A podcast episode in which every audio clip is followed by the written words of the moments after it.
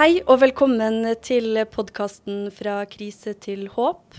Jeg heter Vilde Gjerdeli, og i dag skal vi snakke om noe som jeg syns er veldig viktig. For det finnes eh, store kamper som ligger foran oss, som vi står i akkurat nå. Eksempler på det er jo klima, antirasisme. Og i de kampene så mener jeg at vi trenger ei sterk norsk studentrørsle. Men hvor blir hun av? Det skal vi snakke om i dag. Og med meg for å gjøre det, har vi to flinke og interessante personer som kan veldig mye om det her. Det er Ektor Ulloa, leder i SIH, eh, Studenternes og akademikernes internasjonale hjelpefond, og tidligere studentaktivist fra Honduras. Og så har vi med oss Helge Rønning, professor emeritus i medier og kommunikasjon ved UiO, og også gammel studentaktivist. Jeg vil bare begynne med å spørre deg, Hektor. Hva er ei studentrørsle, og hva, altså, hva betyr det å være ei studentrørsle? Jeg tror det er veldig vanskelig å forklare hva er en studentbevegelse som er veldig konkret. Men hva er viktig er at vi ser at en studentbevegelse kanskje er når du har mange studenter som er opptatt av en av disse kampene vi har i samfunnet, og de engasjerer seg med, med det.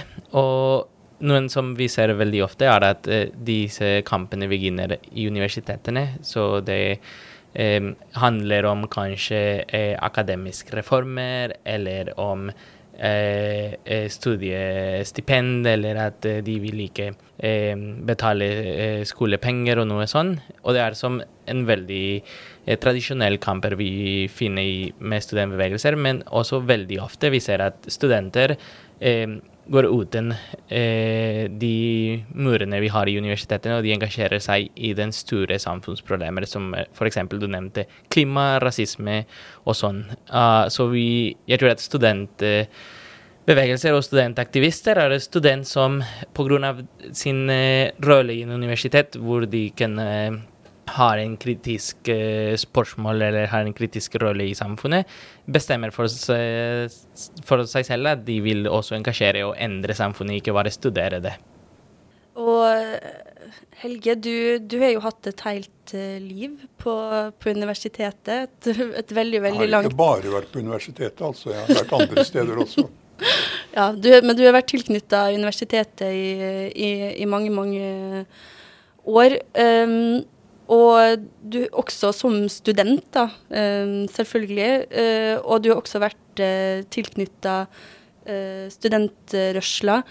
Hva, altså, hva vil du si at hun har hatt å si altså historisk? Altså rent historisk så er jo de studentbevegelsen og studentenes rolle i de ulike samfunnene opp gjennom historien har jo ofte vært at de har stilt de kritiske spørsmålene til hvordan samfunnet utviklet seg, og ofte stått for en opposisjonell holdning til autoritære styrer. Eh, det kan vi gå helt tilbake til 1848 i Europa med, med de revolusjonene den gangen, men det er vel ikke det du vil jeg skal snakke om, for det er vel litt langt tilbake. Men eh, ellers så er, kan jeg ta utgangspunkt i da 60-tallet, som jo var den gangen da man har fått dette vidunderlige året. Eh, 1968, da alt skulle skje og intet skjedde, for å si det på den måten. Eh, alle håp eh, fantes, og veldig få av disse håpene ble oppfylt. Men på den annen side så er det også slik at man kan si at mange av de sosiale bevegelsene som vi nå ser resultatene av i verden, de har sitt utspring i noe av det som ledet opp til 1968. Og Den viktigste årsaken til dette tror jeg var det som er koblet opp mot internasjonal solidaritet. Det var jo den gangen eh, Vietnamkrigen for alvor brøt ut. Det var den perioden da det var viktige antikoloniale bevegelser i den tredje verden. Det var den perioden da kampen mot raseskillet i det sørlige Afrika for alvor slo igjennom. Og det var derfor en veldig viktig del av dette var den internasjonale solidaritetstanken. Som drev eh, ikke bare studentbevegelsen, men som også var viktig i forhold til andre deler av sosiale bevegelser. Og så vil man kunne si at ut fra dette så sprang også f.eks. Eh, den nye feminismen. Jeg leste nettopp eh, en anmeldelse av en bok som var skrevet av den, en av de første kjente britiske feministene, Sheila Rowbotham, som nå er på min alder. Hun er vel 79, hun også. Om hvordan hennes del i denne bevegelsen var nettopp et sprang ut av en videre sosial bevegelse. Vi kan trekke fram eh, eh, homsebevegelsen som en del av dette. Det var en bred frigjøringsbevegelse som var koblet opp mot det å være i, på universitetene, for universitetene var en samlingssted for mange av, denne, mange av disse kritiske stemningene. Mm. Og du, du, var jo der? På universitetet, ja. Ja, I 1968? Ja, i 1968 studerte jeg både i Norge, men også i Storbritannia, i London, på School of Oriental and African Studies. Og det var også et typisk sted å være den gangen, for det var jo en viktig del. Jeg studerte afrikanistikk. Og jeg hadde også tidligere studert i USA under Eh, borgerrettsbevegelsen og også den tidlige motstanden mot Vietnamkrigen. Mm. Så dette henger sammen, og det var jo også samtidig at studentbevegelsen i uh, Tyskland vokste fram som en uh, motstand mot at uh, det var ikke tatt et skikkelig oppgjør med nazismen, og vi hadde samtidig da en forstenet kommunisme i Øst-Tyskland. Eh, en av de viktige lederne i studentopprøret i Tyskland, Rudi Dutschke, hadde jo kommet fra Øst-Tyskland over til Vest-Tyskland og begynt å studere der. Så da var det en viktig del av dette var på en måte å finne fram til en annen form for marxisme enn det som var den forstenede sovjetmarxismen. Mm. Så hører det også med til historien da at mye av dette også førte til en, en, annen form for avart av marxismen, etter min mening, nemlig maoismen. Så dette var jo en del av mange elementer som fant sammen. Og så var jo det store opprøret var jo Paris i 1968. Ja, jeg vil bare nevne at det var også på den tida uh, at SIH sprang ut som en internasjonal internasjonal uh, solidaritet studentorganisasjon. Og det er viktig å nevne at er, uh, vi pleier å å, å se at uh, studentbevegelser rundt i verden de fremdeles har den som eh, solidaritet, uh, motivasjon, og, og det, vi har mange som regionale samarbeid. Og nå, jeg tror det var for to år siden, at det ble opprettet noe som heter Global Student Forum, som er den globale studentstemme. Og vi hadde ikke den siden den kaldkrigen ble avsluttet. Eh, og nå vi ser at det er mer og mer samarbeid på en globalt eh, nivå med studentbevegelser. Og det er fordi vi, eh, vi ser at vi har mer og mer som eh, globale eh, problemer som trenger globale løsninger. Og studenter eh, kan en gang til være en viktig stemme for å løse dem fra universitetene i hele verden. Mm. Ja, og den, den, på en måte internasjonale studentsolidariteten, det er jo en av grunnene til at du er her i dag i Norge. Du er jo egentlig fra Honduras og har vært eh, tilknytta, eller vært studentaktivist uh, der. Kanskje du bare kort forteller hva, hva, hva, hva det som skjedde der? Ja, da jeg var student i Honduras, det ble opprettet ny, noen nye akademiske reformer, og mange studenter ble eh, utsatt fra universitetene. Og så vi begynte eh, Vi hadde ikke en demokrati, en studentdemokrati på den eneste eh, offentlige universitetet i Honduras. Og det var det vi begynte å eh, kjempe for. Og i 2008 fikk vi gjennomslag, og Kongressen sa at vi skulle ha en eh, studentdemokrati. Og det var mange som Det er en eh, farlig land å være en aktivist. Men det er en program her i Norge som heter Students at Risk. Og det er en program som gir muligheten til studentaktivister rundt i verden som er i risiko, for å komme til Norge og fullføre studiene sine. Så jeg kom til Norge i 2018 for å ta en mastergrad på UiV. Eh, Pga. disse truslene jeg fikk i Honduras. Og etter det ble jeg engasjert med SIH, som jobber med noe veldig similar, eh, veldig like, som er akademisk frihet og tilgang til høyere utdanning. Og jeg har bare som eh, fortsetter med det arbeidet gjennom SIH. Og da har jo du på en måte gått fra, som, fra studentaktivist i Honduras til å være studentaktivist i Norge, som er litt uh, ulike det er, litt, det er litt, ulikt. Hvordan, hvordan, den, hvordan, opplevde du den overgangen? Jeg tror det var uh, veldig lærerikt. Um, det er veldig forskjellige um, måter å jobbe på og kjempe for. Uh, ja, når jeg tenker på at I Honduras det var mye mobilisering, og det var mye som uh, street actions. Uh, og her i Norge det er mer som uh, samarbeid og dialog. Og jeg tror at det er ikke at uh, en måte er bedre enn de andre. Det er bare en måte er litt gøyere enn den andre, kanskje?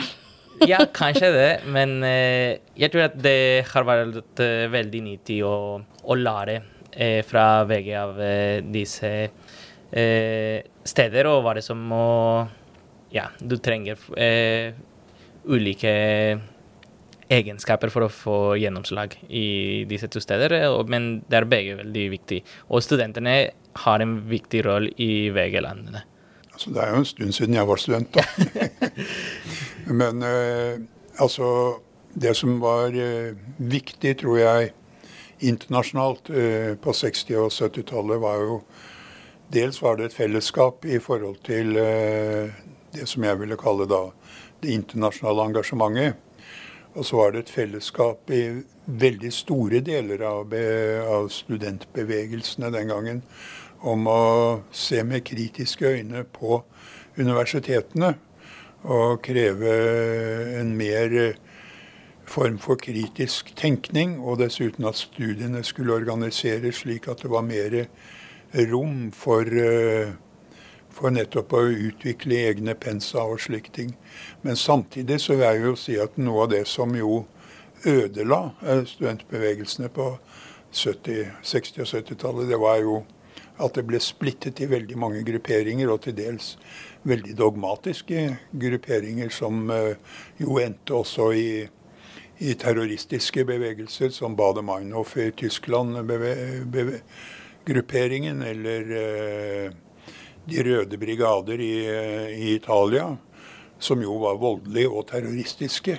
Og det er jo ofte slik at eh, en del bevegelser av den typen som vi kan kalle de brede studentbevegelsene, at de også får utarter i, i retninger som ikke fremmer eh, den demokratiske og eh, grunnleggende kritiske tenkning som eh, man springer ut av. Hvordan har det vært i, her i Norge?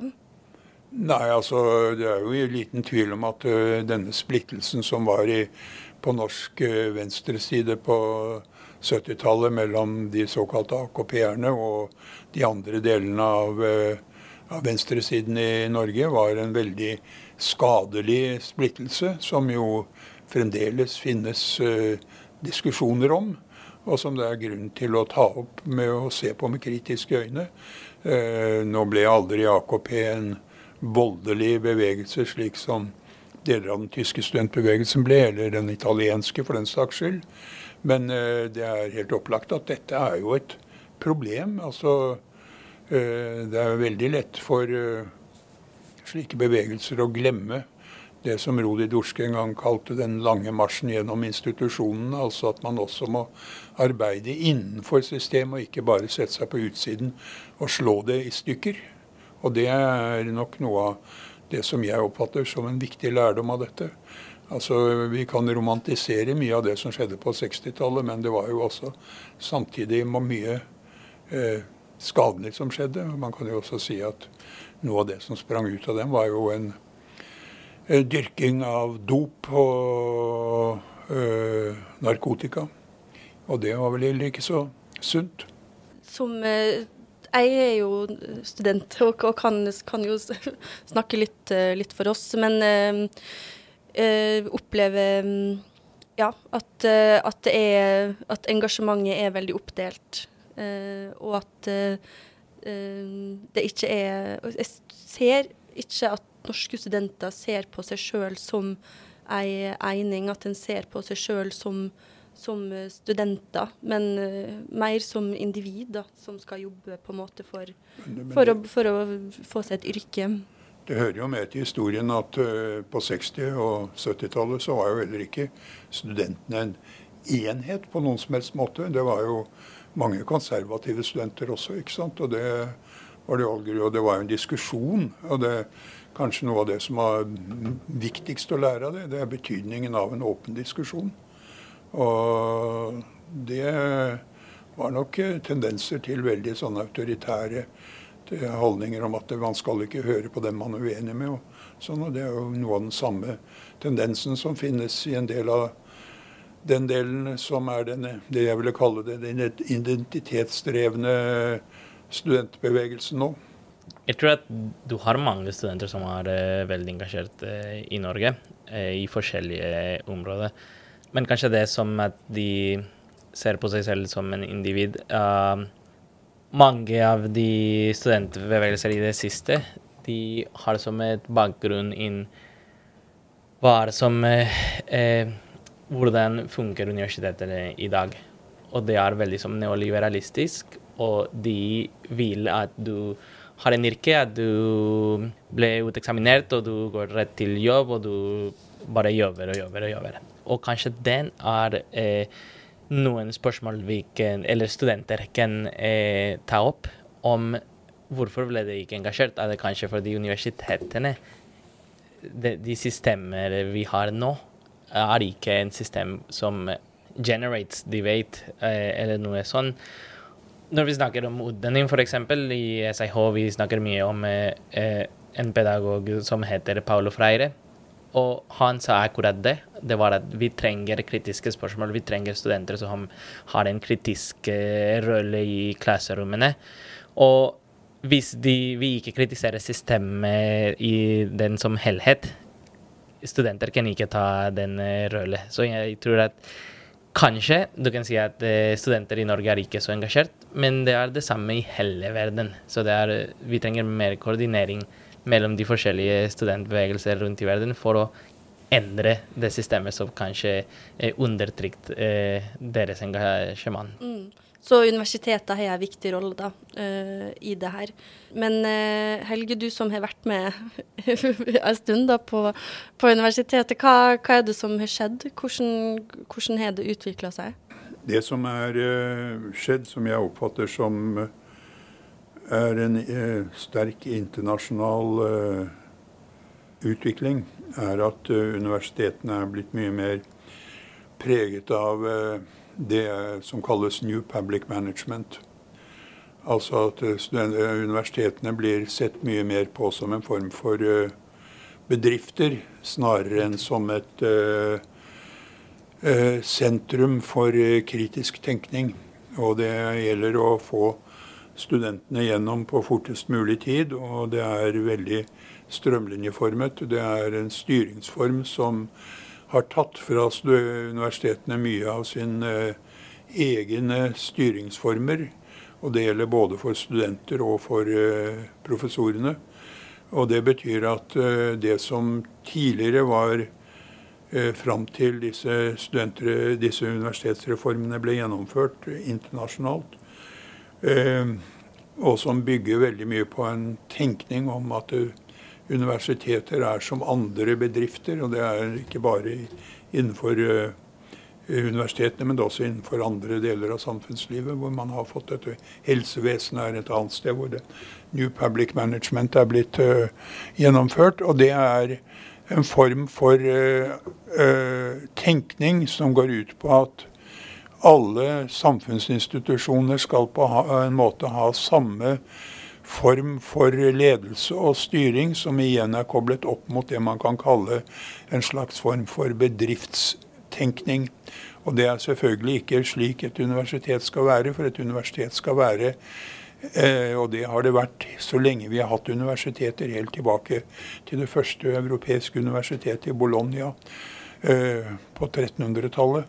At det har vært et område hvor man styrer seg selv, og hvor det er samarbeidet mellom, mellom professorene og studentene som kommer til uttrykk gjennom en diskusjon om hvordan universitetene skal organiseres, men også hvilken rolle universitetene skal ha i samfunnet som helhet.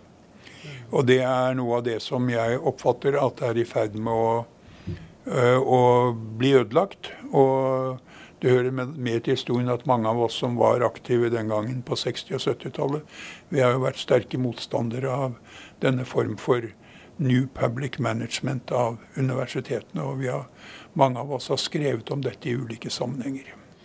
Ja, og da i, i, praksis så kan jo en da på en måte ta opp eksamensordninga, hvordan, hvordan studiet foregår, hva kritiske spørsmål som blir stilt, Lånekassa osv. Ja, nå hører det jo med til historien da at uh, studentene nå uh, i Norge har, har det atskillig bedre enn de fleste andre land. For det første er det, er det gratis å gå på universitetet. Man betaler ikke skolepenger. Og for det andre så har man en studiefinansiering på en helt annen måte enn det som finnes i verden som helhet. Eh, en av grunnene til at det har vært et uh, nytt studentopprør i Sør-Afrika f.eks., har jo koblet opp mot at uh, de har økt studieavgiftene på universitetene der. Så dette er ikke dette er, altså Norge er jo et paradis sammenlignet med de fleste andre land. Og det må vi ta med i betraktning her. Men det er klart at dette presset med å hele tiden skulle gå opp til eksamen, det styrer jo også måten man studerer på. Og jeg syns jo det er noe av det jeg har sett med studentene, er at den hva skal vi kalle den fordypende form for studier blir ofret til fordel for en mye mer eksamensorientert form for lesing. Og kritisk lesing forutsetter at man tenker og ikke bare leser. Og i mange diskusjoner som jeg har vært med på om det der med, med det norske studentrørsla og engasjementet til norske studenter, så har jo et uh, argument ofte vært at uh, vi har det, for bra. Men det er, jo, det er, jo, veldig mye som norske studenter har å kjempe for også. Du har jo strukturen på studentsamskipnadene, studiestøtte, bolig har jo vært eh, veldig aktuelt de siste to åra. Så har jo det også de større strukturelle kampene som klima, rasisme og eh, det evige, altså det med solidaritet, som, som du nevner, Helge. Men det er, det er, vanskelig når en tenker på det der med mobilisering. Og, og, du som Hector, som kommer fra en plass der en har vært gode på mobilisering. Hvordan, altså, hva, hva, trengs for å få til det, da? Kanskje du kan si at uh, the stakes are higher. Jeg vet ikke hvordan du sier det på, på norsk. Men uh, f.eks. i Honduras, du nevnte også Sør-Afrika med Fismos Fold-bevegelse før. Og vi ser at mange studenter de, de kjemper for, er rett til utdanning. Og i Norge du har mange kamper som er som en eh, forberedelse av de eh, kondisjoner du har inne i utdanningssystemet. Uh, her. Og som det ble nevnt, det er et veldig fint sted å studere i Norge. Så jeg tror at når du har mange folk som eh, har ikke tilgang til utdanning, de, de lever i en veldig urettferdig samfunn, og de må kjempe for uh, den retten, uh, da er det lettere å mobilisere, uh, tror jeg. Men likevel, da, så, så er viktig Vi kommer ikke unna at det er en viktig del av studentrolla og ikke minst eh, det, altså en rett da, som, eh, som, studenter også har, det er det å kjempe for menneskeretter, skape sosial endring. Hvordan, hvem er det som er ansvarlig for å få eh, studenter da, til, å, til, å, ivareta den rolla? Universitetene har en del ansvar. Um, I mars i år uh, vi faktisk ga ut en rapport om Students by Day Rebels uh, by Night som snakker litt om hvordan universitetene må anerkjenne at studentbevegelser er en del av den akademiske eh, miljøet på universitetene. Fordi du har i mange steder universiteter som eh, slår ned om studentaktivister, og vil ikke ha studentaktivist på campuset. Og det er en naturlig ting, og studenter som må stille kritiske spørsmål og prøve å få endringer. Så jeg tror at universitetene har en del ansvar for å beskytte de, det miljøet, og de må være veldig stolt av å ha en eh, aktiv studentbevegelse på eh, sine campuser. Men også det er en eh, ansvar som ligger hos eh, studentene selv. Eh, de må ikke tenke bare at de eh, studerer for å få en jobb, men eh, de har også en ansvar som å bidra til samfunnet og endre samfunnet som studenter og etterpå, eh, når det blir uteksaminert. Så jeg tror at det er begge universitetene som må beskytte dem, studenter som må ta en aktiv rolle, og staten og den internasjonale samfunnet som må også ikke Det må ikke være lov at de blir fengslet eller, eller kriminalisert for det aktivisme de gjør. Og så har du også altså professorene. Det har jo skjedd ei endring i professorrolla også. Det kan sikkert du Altså hvor, hvor blir det av professoraktivistene?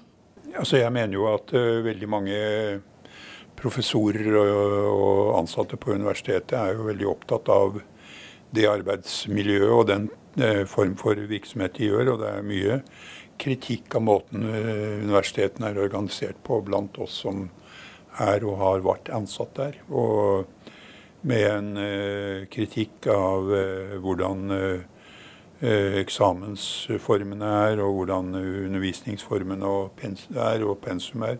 Men jeg tror det er ganske viktig å skille mellom eh, to eller tre sider av det man kan kalle eh, det kritiske arbeidet på, for, blant studenter. Og det første er det, det jeg ville kalle det engasjementet i samfunnet som helhet. Og det er bl.a. det som gjelder da solidaritet, klimabevegelse osv., og, så og som er en veldig viktig del av f.eks. hvordan studenter i land som Hviterussland uh, har fungert i forbindelse med opposisjonsbevegelsen i Hviterussland, i motstanden mot de stadig sterkere autoritære tendensene i land som Ungarn. Eh, og ikke minst i Latin-Amerika, hvor dette har vært en veldig viktig del av det. Som er et engasjement for samfunnsmedlet. Og så er det det engasjementet som går på hvorledes universitet Det er den ene delen. Og så er det det engasjementet som går på hvorledes universitetets rolle som kritisk institusjon skal fungere. Og så er den tredje delen er det som da er koblet opp mot eh, studentenes mer økonomiske og sosiale interesser kva å være student. Og det er de tre elementene som på en måte ikke er de samme, men som er, kan forbindes og er deler av det samme. Men det er veldig viktig at man er klar over at det er tre forskjellige aspekter ved en bevegelse. For å sitere da det som ble slagordet til en av de tidlige kvinnebevegelsene i Norge, brød og roser. Begge deler må være der, for å sitere Rosa Luxemburg. Mm. Og det, det, høres ut som at, uh, at en, uh, en, en, viktig del av den studentkampen også vil, vil være å, og mot, mot, universitetsstrukturen også, da. For, å, for, å, skape det rommet igjen på, på universitetet der, der studenter kan kan tenke og organisere seg uh, i lag. Ja, og vi har sett uh, på det med, i det siste med den bevegelsen for uh, avkolonisering av akademiet, f.eks., som er en bevegelse, en studentbevegelse uh, som vil endre den strukturelle systemer som vi har på universitetene, og stiller kritiske spørsmål og, og, og jeg tror det handler nesten om det samme, og det er at studentene vil ha en mer aktiv rolle i hva er i pensum, f.eks., eller hva er det hvordan de engasjerer i klasserommet med professorene og sånn. Um, så jeg tror at appkolonisering er, er en annen eksempel av uh, hvordan studenter kan kjempe for å endre sitt uh, eget universitet. Du nevnte jo også at, at nyliberalisering av universiteter ikke, det er ikke noe som bare skjer i Norge. Det skjer overalt i, i verden. Um, men altså, hvordan hvordan, det, hvordan, ser det ut andre plasser, da, det der med studentrørslene? Kjenner du til noen eksempel på det? Ja, jeg tror det er to eksempler vi har nevnt der eh, i Sør-Afrika, f.eks. med Fismost Fall-bevegelsen, som var en eh, bevegelse mot skolepenger. Eh, og det er en klassisk som eh, neoliberalistisk karakteristikk at det ble enda en enda dyrere å, å studere på universitetene i Sør-Afrika. Og du hadde det samme i Colombia med ASEU, som drev med en kampanje som het eh, Null skolepenger på norsk. Og det var det samme etter pandemien. De hadde mange studenter som kunne ikke studere lenger fordi de mistet jobben, og, og de flyttet tilbake fra byene.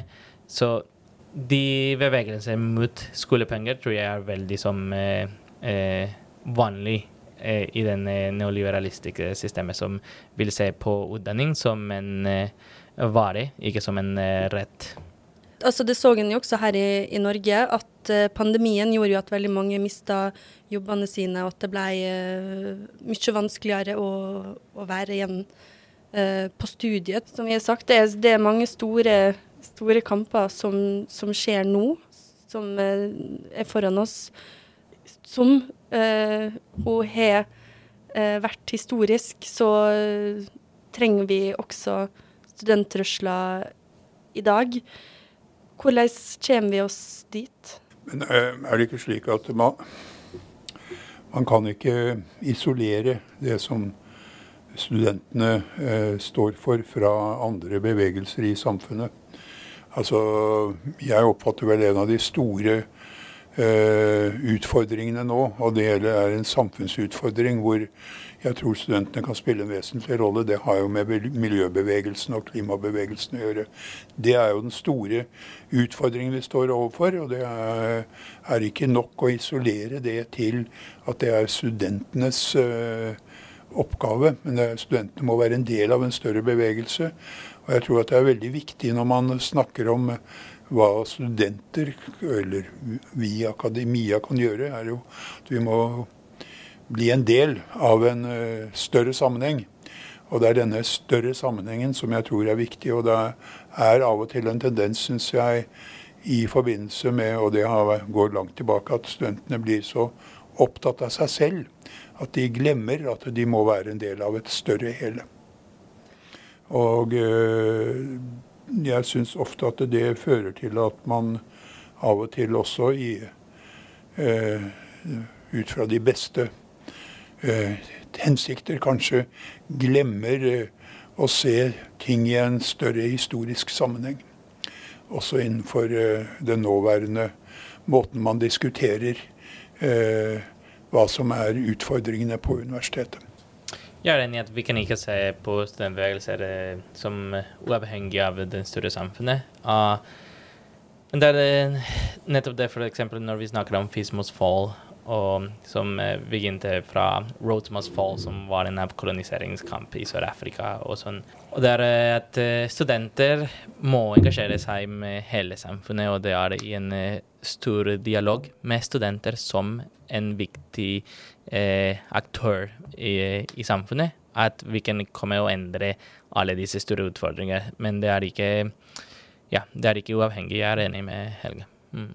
Det her eh, er veldig fint å, å høre på. Uh, så, så, jeg vil si uh, tusen takk for at dere har delt.